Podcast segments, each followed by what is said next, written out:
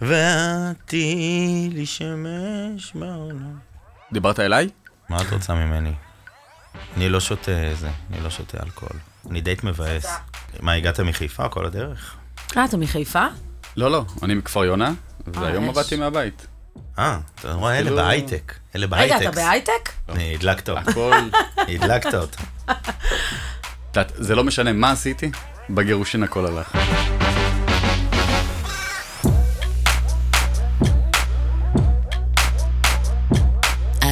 התגרשתי, מה עכשיו? עם עינת סולטן ודני ספקטור. שלום חן שמש, אהלן, נעים מאוד, מה שלומך? הכל מצוין. בן 40 מכפר יונה, גרוש, כי זה התנאי סף לכניסה בדלת הזאת, ומנהל אה, קהילת אבא ללא תנאים נכון? בפייסבוק. אה, אז קודם כל בשתי שורות ספר קצת על אה, מה זה אבא ללא תנאים, אחרי זה נצלול למה זה חן שמש. אז לפני זה, אז בנוסף לכל הפתיח הזה, אז גם אבא לשני ילדים, נועם בן שמונה ומאי בת שש, חגגו לאחרונה. אה, ילדים שאני מאוד אוהב, כמובן, עושה הכל עבורם. אה, קהילת אבא תנאים למעשה נוצרה לפני כשנה. אה, הגעתי למקום הזה לאחר תהליך אישי מאוד מאוד מאוד קשה. שלמעשה בתהליך הזה נחשפתי ללא מעט אי שוויון בתהליך כנגד גברים, שתהליך שעד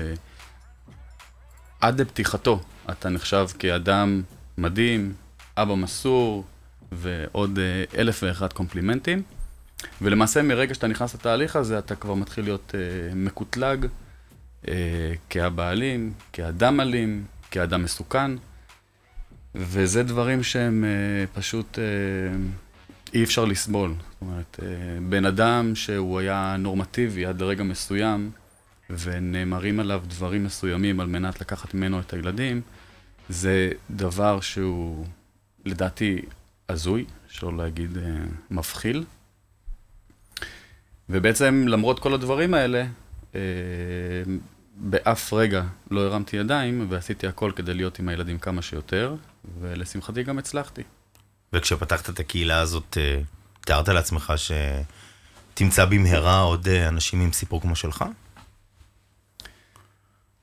האמת שלא. כי כשאתה בגירושים, אני חושב כמו בכל מקום, במשבר אישי בחיים, אתה מרגיש את ה... היחיד שעובר את כל הכאוס, את כל הטראומה, את כל ה... ברור לך שיש עוז, אבל אתה מרגיש נורא לבד. אני חושב שאצל גברים זה משהו קצת שונה, כי גברים לא ממהרים לחשוף את הבעיות ואת האתגרים שהם, חושפ... שהם נחשפים אליהם ושהם חווים, ומבחינתם גם בשיחות חולין בין חברים, גם אם עובר על, אה, על גבר יום מאוד מאוד קשוח, ברגע שחבר ישאל אותו מה קורה, מה שלומך, פשוט תגיד לו הכל בסדר, ופשוט תלך עם כל התחושות, עם כל הרגשות הביתה. ואחד הדברים שבעצם רציתי לפתוח בקהילה הזאת, זה שיהיו יותר אנשים שיהיה לנו את מי לשתף, ולא רק את מי לשתף, מי שגם יבין אותנו, ומי שיבין את הקשיים והאתגרים שאנחנו חווים בתהליך הזה. אה, אם נרצה או לא, ואני, מהניסיון שלי, אני באמת, אה, יש לי משפחה זהב, אני לגמרי יכול להגיד שזכיתי, אבל למרות זאת, אני לא חושב שמישהו שלא עבר תהליך גירושין יכול להבין מה זה שאבא לא רואה את הילדים, להבין מה זה שאבא מגיע לתחנת משטרה, מה זה שאבא נבדק בציציות, אם הוא בכלל ראוי להיות אבא. ואלה דברים שגברים שחווים את זה, הם לא ממהרים לחשוף, אה, בעיקר בגלל בושה. אז יש כאילו עכשיו הרבה כעס כלפי גרושתך, נגיד? אז ראשית, אני לא קורא לה גרושתי, אני לא רוצה אליה שום שייכות. היא יכולה להיקרא הגרושה, היא יכולה להיקרא אם ילדיי, אבל לא הגרושה שלי, אני לא שלה והיא לא שלי.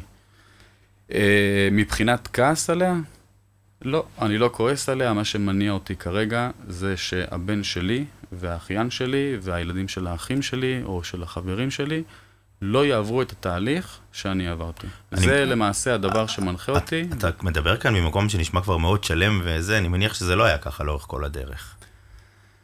תמיד הייתי אדם אה, רגוע, מאופק, אבל אה, בוא נגיד שבתהליך הזה עברתי דברים שהקצינו את זה עוד יותר, כי הבנתי שאם אני אקח את הדברים האלה למקומות אחרים, ה- היחיד שייפגע זה אני, וזה מה שאני מנסה למנוע. נשאר משהו לילדים? זאת אומרת, הם חוו את התהליך הזה איתך? ב... זאת אומרת, הם ראו את הכאב ואת כל מה שעברת תוך כדי תנועה?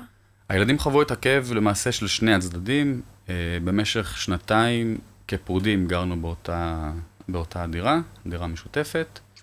אה, במהלך התקופה הזאת הלהבות לא היו אה, ברמה שהם היו כאשר התחיל התהליך. זאת אומרת, בהתחלה היה סוג של משא ומתן, יישוב סכסוך, ש...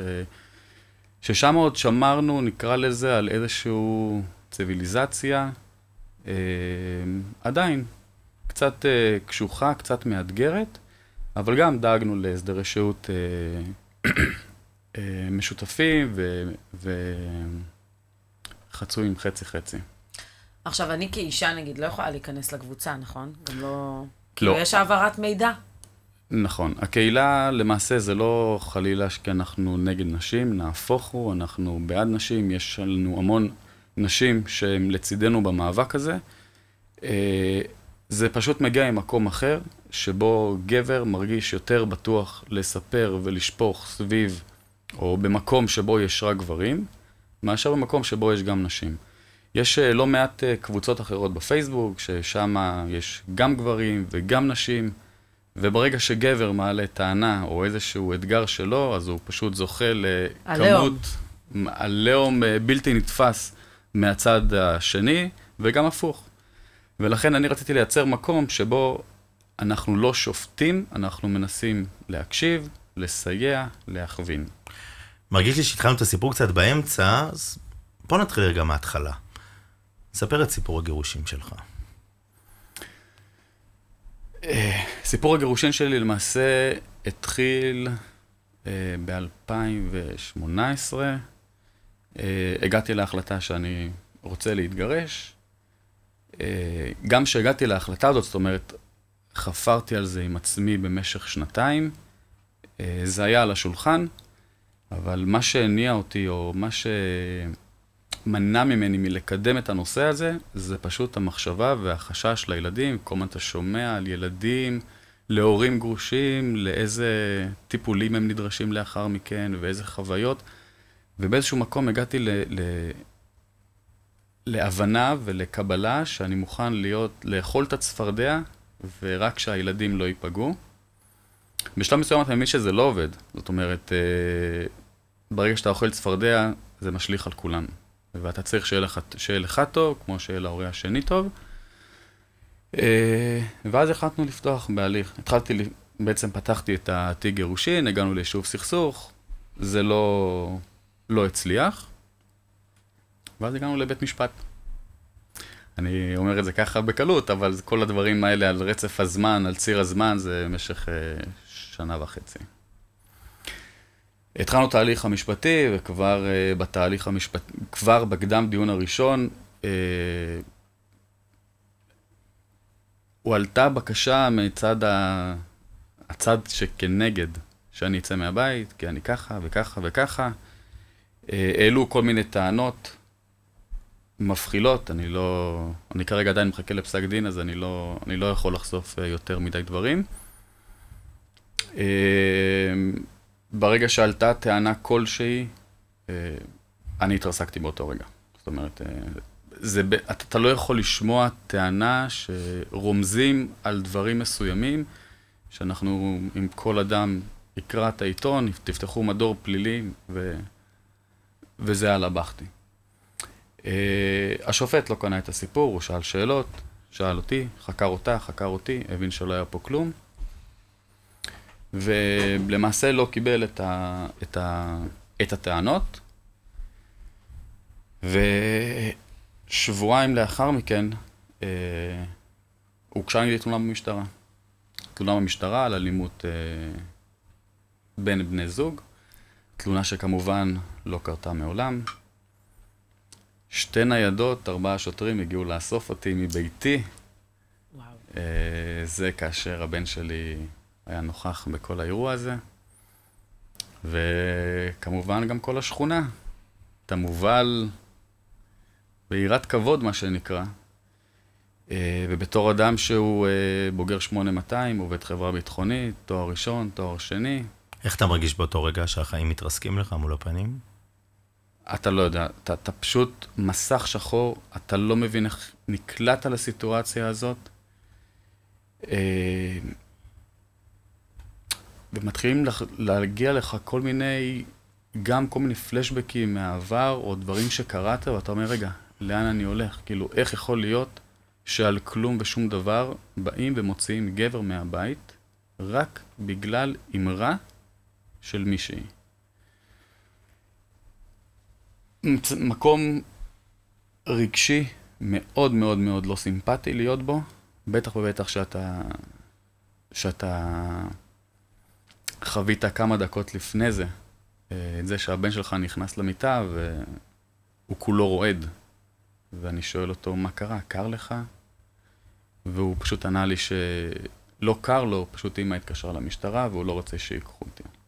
Oh my God. Oh אה, אז זה דברים שאתה, אתה, אין שום דבר שיכול אה, להכין אותך למצב הזה. אה, לשמחתי הייתי, ידעתי מה קרה, כאילו גם השוטרים די, בחקירה די ראשונית כבר בבית, אה, הבינו שלא היה פה כלום, אבל על פי הפרוטוקולים אני עדיין מחויב להיות מעוכב. הגעתי לתחנה ב, באזור המגורים, ואחרי, חיכיתי פשוט לחוקר, ואחרי 40 דקות של חקירה, החזירו אותי הביתה. שזה דבר לא טריוויאלי בכלל, כי לרוב אחרי תלונה כזאת, אז למעשה הגבר מקבל צו הרחקה, אז uh, אותי החזירו הביתה. הבינו שלא היה פה כלום, אין כאן חשש, והחזירו אותי הביתה. איך חוזרים הביתה אחרי כזה דבר?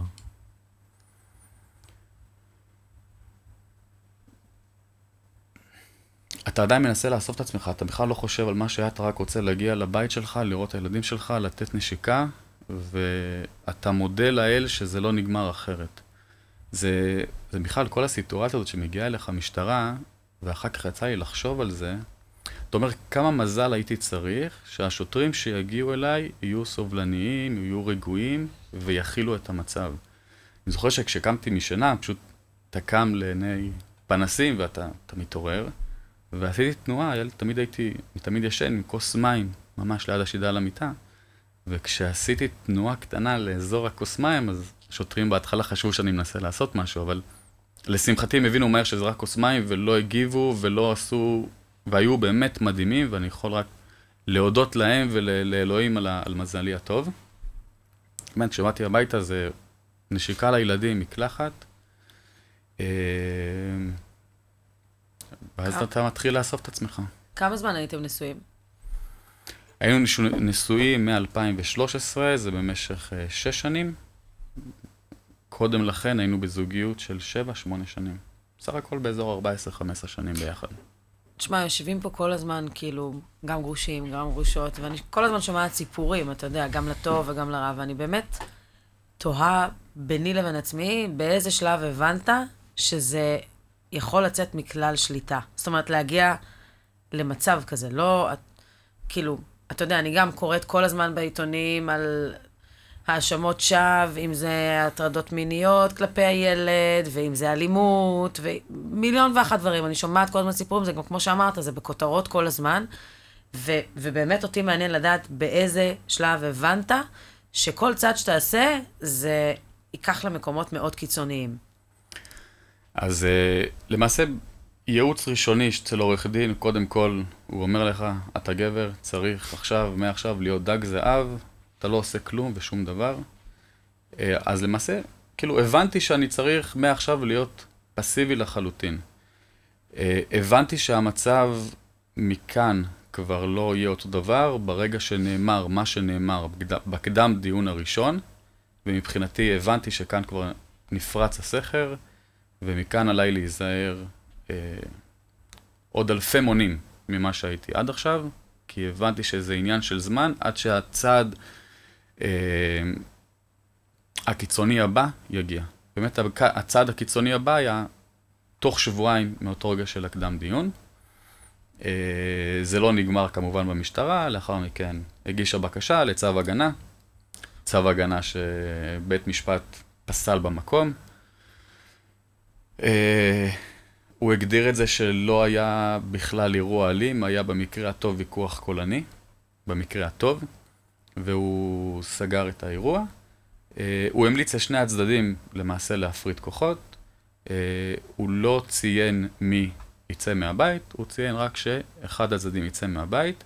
אני לא אעלה אתכם בכל ההחלטה, אבל הוא בגדול נתן שלוש אופציות, שאחת אומרת אה, שאנחנו ממשיכים לגור ביחד, ושתי, שתי, סליחה, שתי הצעות, שאנחנו ממשיכים לגור ביחד באותה דירה בקונסטלציה מסוימת, וקונסטלציה שלישית, אופציה שלישית, שהפרדת מגורים.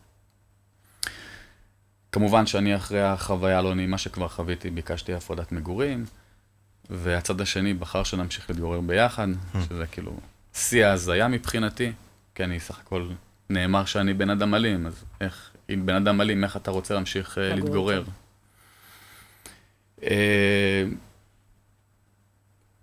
בית המשפט פסק שאנחנו נפריד כוחות.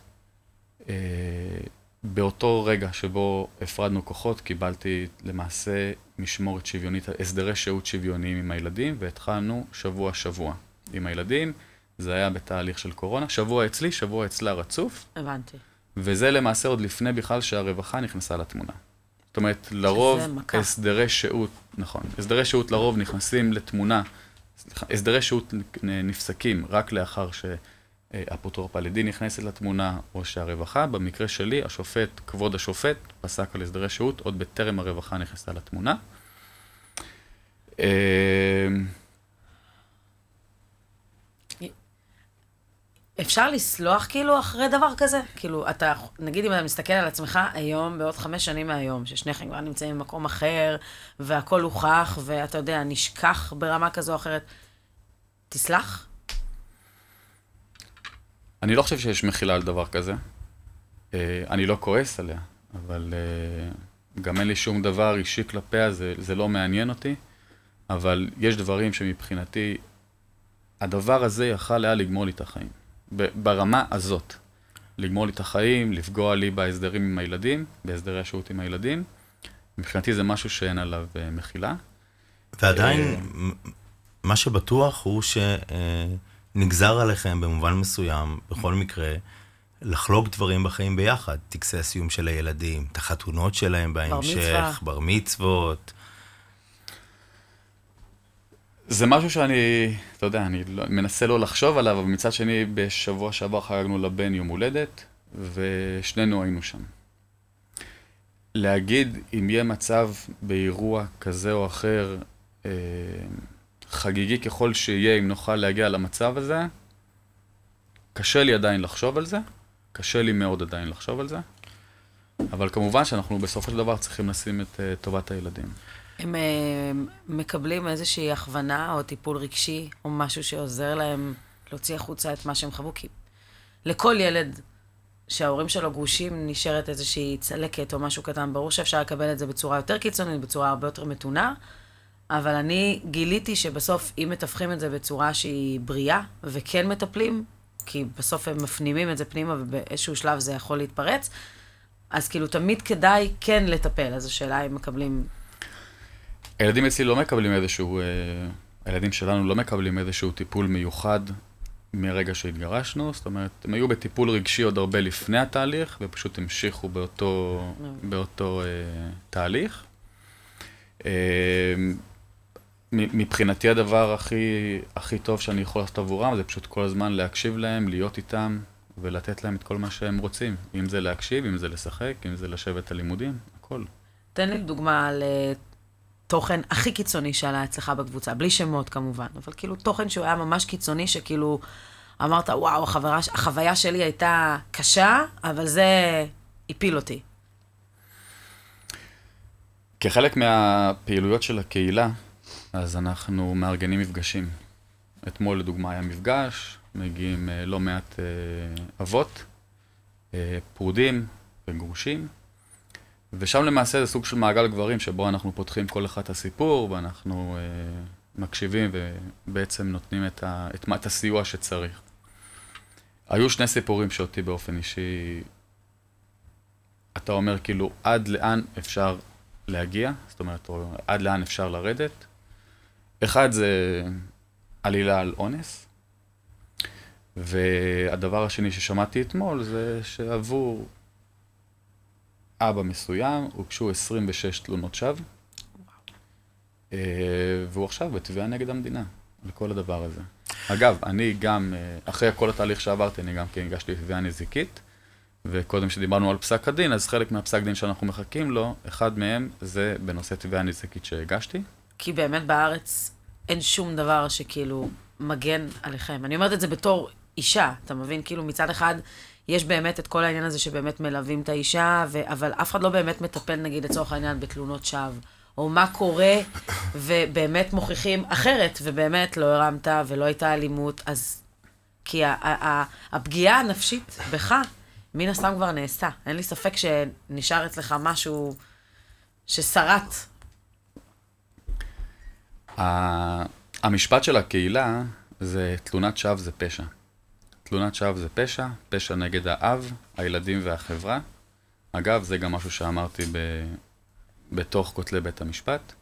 אני חושב שתלונת שווא פוגעת בכולנו. זאת אומרת, אם זה באבא, שפשוט באותו רגע גוזלת את, אה, את הזכות שלו לחירות, אם זה בילדים שבאותו רגע נחשפים לדמות שנלקחת על ידי משטרה, והם עלול- עלולים בעצם להפוך ל- לצחוק, כי כל השכונה ראתה את האבא נלקח, אז מתחילים דיבורים על האבא.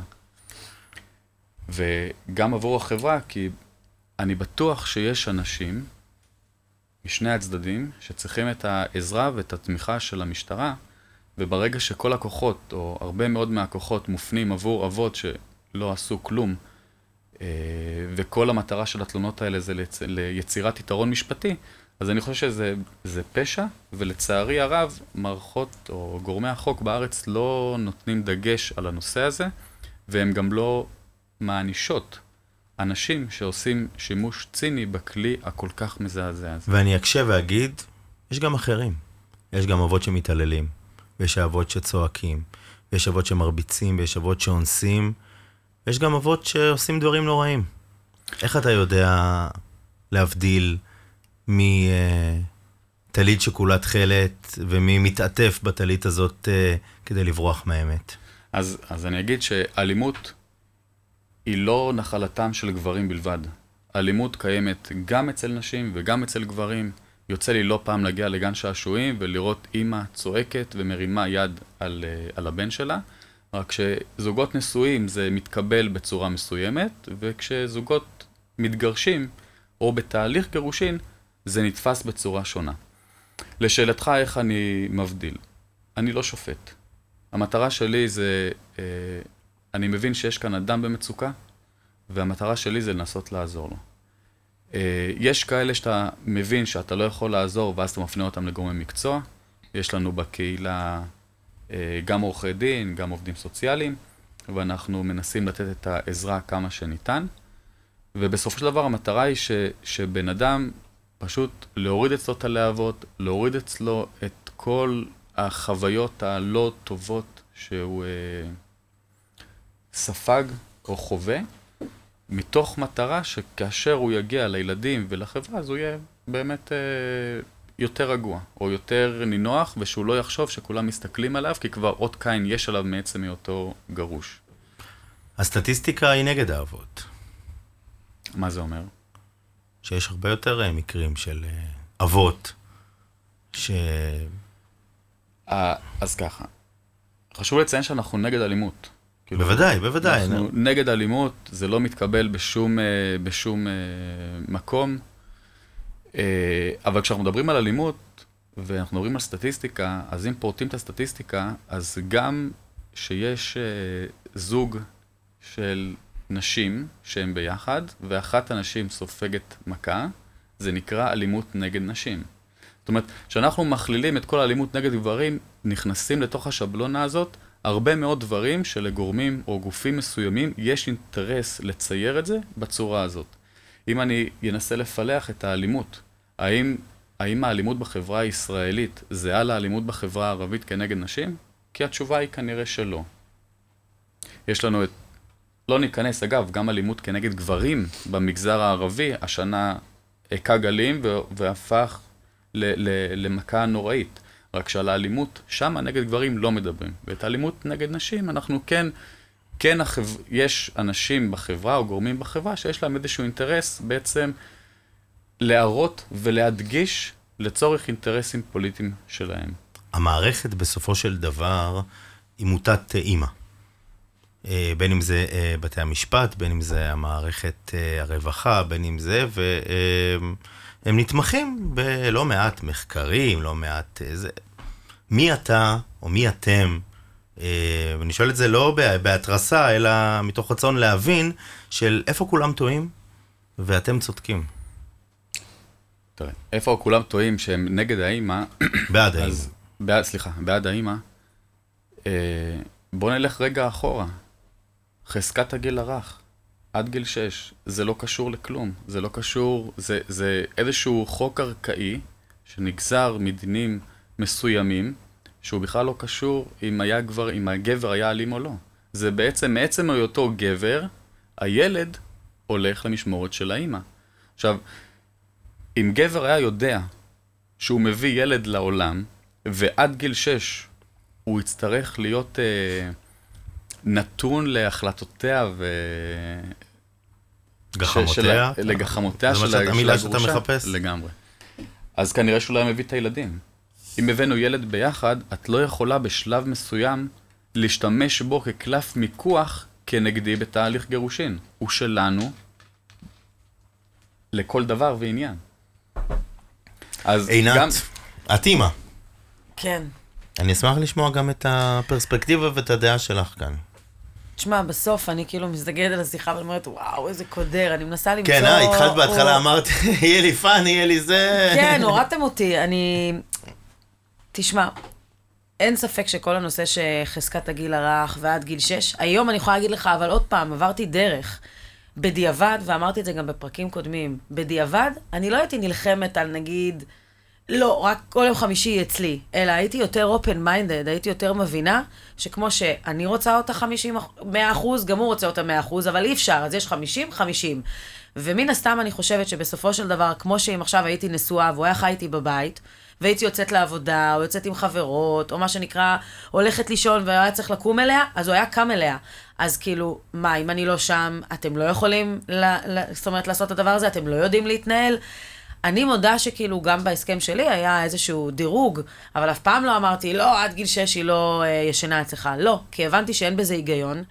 וכמו שאני חושבת שהמוסד הנישואים הוא לא תואם את רוח ימינו מבחינת החוקיות, כך אני גם חושבת שכל מה שקשור לחזקת הגיל הרך, ואגב, אני מכירה הרבה גברים שעשו הסכם הורות, ובתוך ההסכם הורות, אפילו שכתוב נגיד עד גיל שנתיים, מעל גיל שנתיים, ברגע שיש ילד, וזה ילד שאתה 50, כאילו, בהכנה שלו, בוא נגיד את זה ככה, מבחינתם, אתה שותף מלא לגידול של ילד. ואם את לא סומכת עליי, אז למה הבאת איתי ילד? כאילו, זה כזה, זה שם. זו מהבחינה שלי. אבל אותי כן מסקרן לדעת, כאישה, נניח, והייתי נפגשת איתך, והייתי מתחילה לצאת איתך, א', אם חשפת את זה בפני הבת זוג שלך, הרגשת איזושהי בושה, הרגשת מחסום מסוים, זה אחד. ודבר שני, אור בקצה המנהרה, מבחינת כל התהליך שעברת, מה חיזק אותך, מה... וגם איך, איך הגשת את זה לבת זוג שלך, כי בכל זאת דיברנו כן. שאתה בזוגיות. אז אני, לפני שאני אענה על זה, אני רק אגיד, את קודם אמרת שאת הרגשת והגרוש כלפי אה, הילדה. אה, אין כאן עניין של הסדרי שהות של מה אני רוצה. יש מה הילד או הילדה צריכים. ומה שהם צריכים זה גם אבא וגם אימא. ואם מישהו חושב ש, שההורים לא שווים, אז זה כבר באג במקור. לגבי השאלות שלך, אה, אם בת הזוג שלי מודעת, אז היא לחלוטין, היא ידעה על הכל מההתחלה, אני כבר לא מתבייש, אין לי על מה להתבייש למעשה. נהפוך הוא, אני צריך אפילו להיות גאה, שלמרות הכל אנחנו עדיין הגענו לאן שהגענו, אני עם הילדים. בהסדרי שהות שוויוניים, אני אבא לכל דבר, עושה הכל, אה, לא פחות, אם לא יותר טוב מנשים. זה אומר לבשל, לכבס, לנקות את הבית, אה, לשבת איתם על שיעורים, לעשות את הכל. אה, הזוגיות שלי היא... למעשה הכרתי מישהו לפני שנה, אנחנו כבר... ב, במקום אנחנו רואים ניצוצות, זה מזכיר קצת את האהבה של גילאי 16. איזה כיף.